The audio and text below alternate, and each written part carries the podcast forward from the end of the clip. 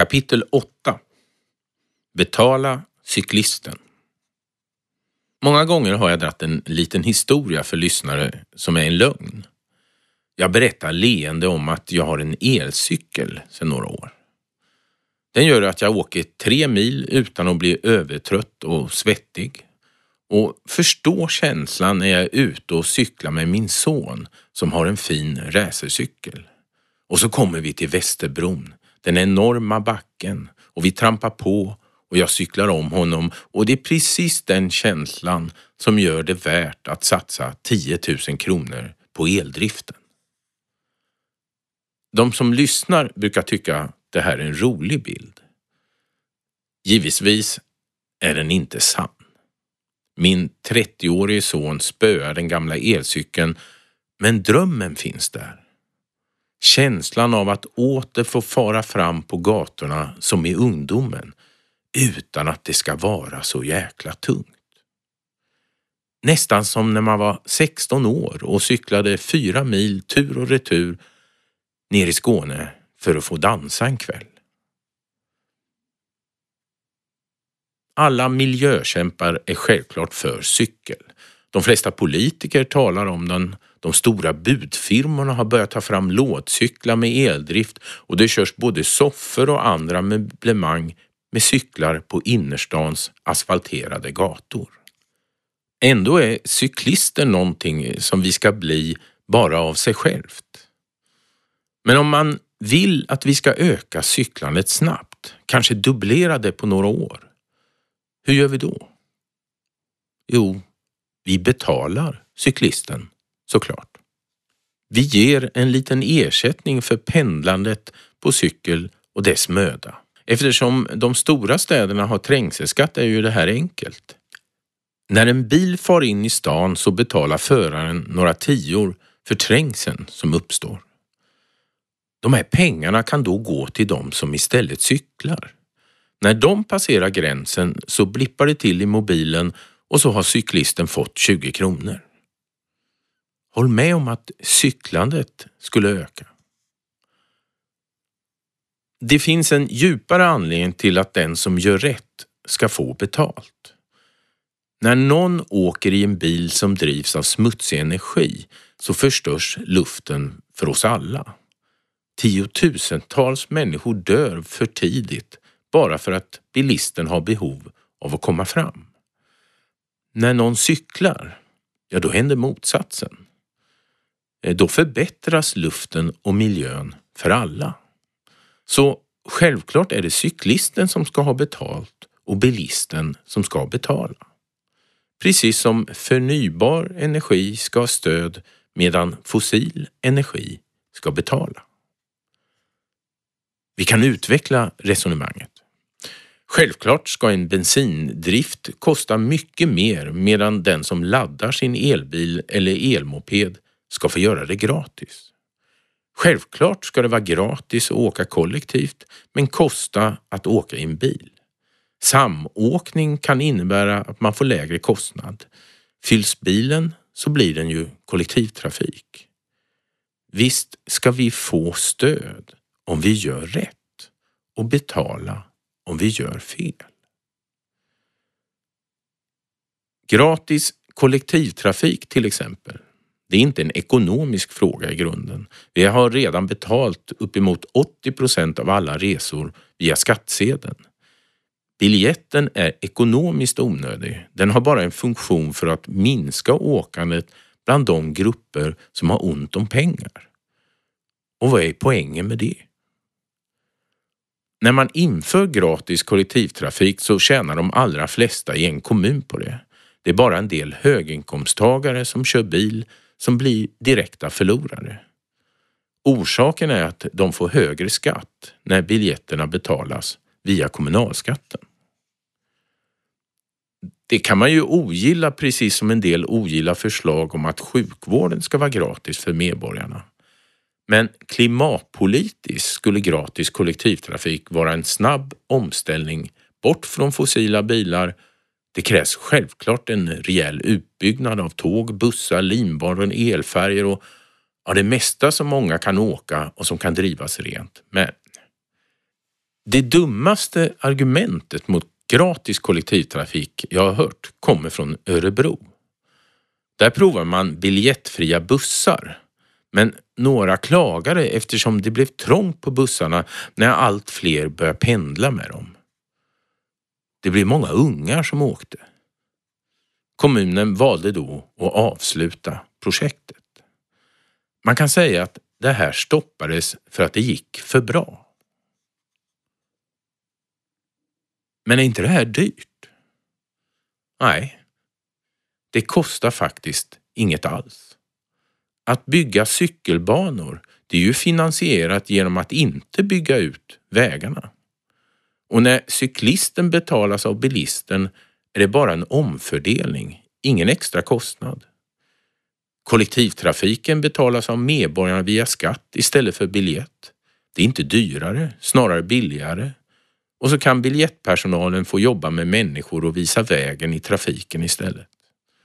Att cykla, köra elbil och åka kollektivt är ett enkelt sätt att göra städerna klimatrena.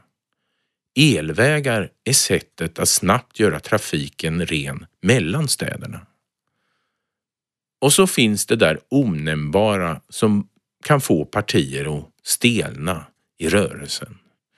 Det där märkliga som gör att man tillsätter en utredning och en till och aldrig kommer fram. Jag pratar förstås om järnvägen.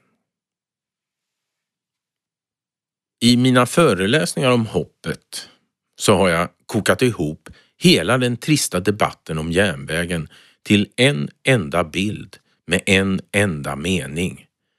Bygg de satans tågen. 1224 miljarder. Det är det finansiella överskott som offentlig sektor har enligt senaste statsbudgeten. Den som Magdalena Andersson presenterade våren 2018. Det här betyder att staten kan bygga tåg utan att låna utanför den offentliga sektorn. Vi lånar av oss själva. Eller för att uttrycka det väldigt enkelt.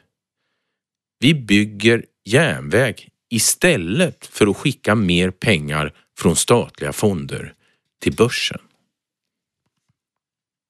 För det är dit de flyttas när de inte används till investeringar. Det finns inga intelligenta argument för varför en rik stat inte ska bygga ut sina järnvägar och dessutom utveckla helt nya. Det finns gott om undanflykter och falska påståenden men inga verkliga argument som håller över tid. Järnvägar är inte dyrare än motorvägar. Motorvägarna drar dessutom ut staden till allt större yta. Järnvägar är billigare i drift än alla bilar om det bara går tillräckligt ofta ger de faktiskt mer resefrihet än bilen. Att ställa renoverade landsbygdståg eller pendeltåg i storstan mot snabba mellan städerna-tåg är en sån där falsk motsättning som politiken tar till för att man inte vill göra. Självklart har vi råd med bägge. Ja, det ena förutsätter faktiskt det andra. Nu får du ursäkta en parentes. Jag är medveten om att det här budskapet inte riktigt stämmer med det du får höra från riksdagsdebatter eller utspel från ledarsidor. Men det är inte jag som tar fram de här siffrorna utan Finansdepartementet och de finns med i alla budgetar under bilagan tabellsamlingar. Senaste versionen hittar du här i tabell 22, sidan 17, bilaga 1, tabellsammanställning. Näst sista raden. Nettoställning. Ja, att det här inte sprids, att vår offentliga nettoöverskott är 1224 miljarder, ja, det beror på att den som vill skära ner eller spara som det heter självklart är mer intresserad av att visa vad vi lånat och inte vad vi samtidigt har, våra egna pengar. Den offentliga sektorn har mycket mer pengar än den har lånat. Och ändå diskuterar vi det som en skuld. Det här gör att hela diskussionen om kostnader för en investering blir väldigt absurd. Men sen då? När snabbtågen åker över Europa, när elbilar laddas på vägen, när cyklarna tagit tillbaka städerna och människorna låter bilarna köra själv, så får de mer tid till kreativ verksamhet. Vi kanske rent av lär oss att titta upp från mobilerna och se ut över staden. Men vad behövs mer? Ja, det är klart att det kommer att komma flygande bilar som går på el, men bara om vi vill det. Men innan dess kommer vi att elektrifiera båtarna. Inte bara de där privata som nu får stöd när de byter till elmotor, utan färjorna, fraktbåtarna och de stora pråmarna. I Norge finns redan elfärjor. Ja, de åker även mellan Helsingborg och Helsingör. Och med kombinationen vind och solsegel kan ett stort fraktfartyg faktiskt gå över världshaven i samma takt som dagens oljedrivna monster. Allt, allt kommer att bli eldrivet. För att det är billigast och enklast och renast. Men det kommer inte ske av sig själv. De system vi har idag betyder att miljarder och åter miljarder kronor är bundna vid fossildriven trafik. Och ägarna flyttar inte på sig bara sådär. Men om tillräckligt många börjar skapa alternativ så kommer deras ekonomi att erodera av sig själv. För det går inte att förlänga förstörelsen i evighet när alternativet är billigare och skapar en trafik med nästan noll i marginalkostnad. Tänk dig tågbanorna, gatorna och skeppen fyllda med solceller. Det blir ju en verkligt cirkulär ekonomi, verkligt hållbar och inte bara en slogan för konferenstal. Jo, det kostar alltid att resa. Det kostar energi. Men när vi gör den själva och tillsammans så blir resan nästan gratis. Lika billig som att cykla. För även kroppen behöver ju energi efter tre mil.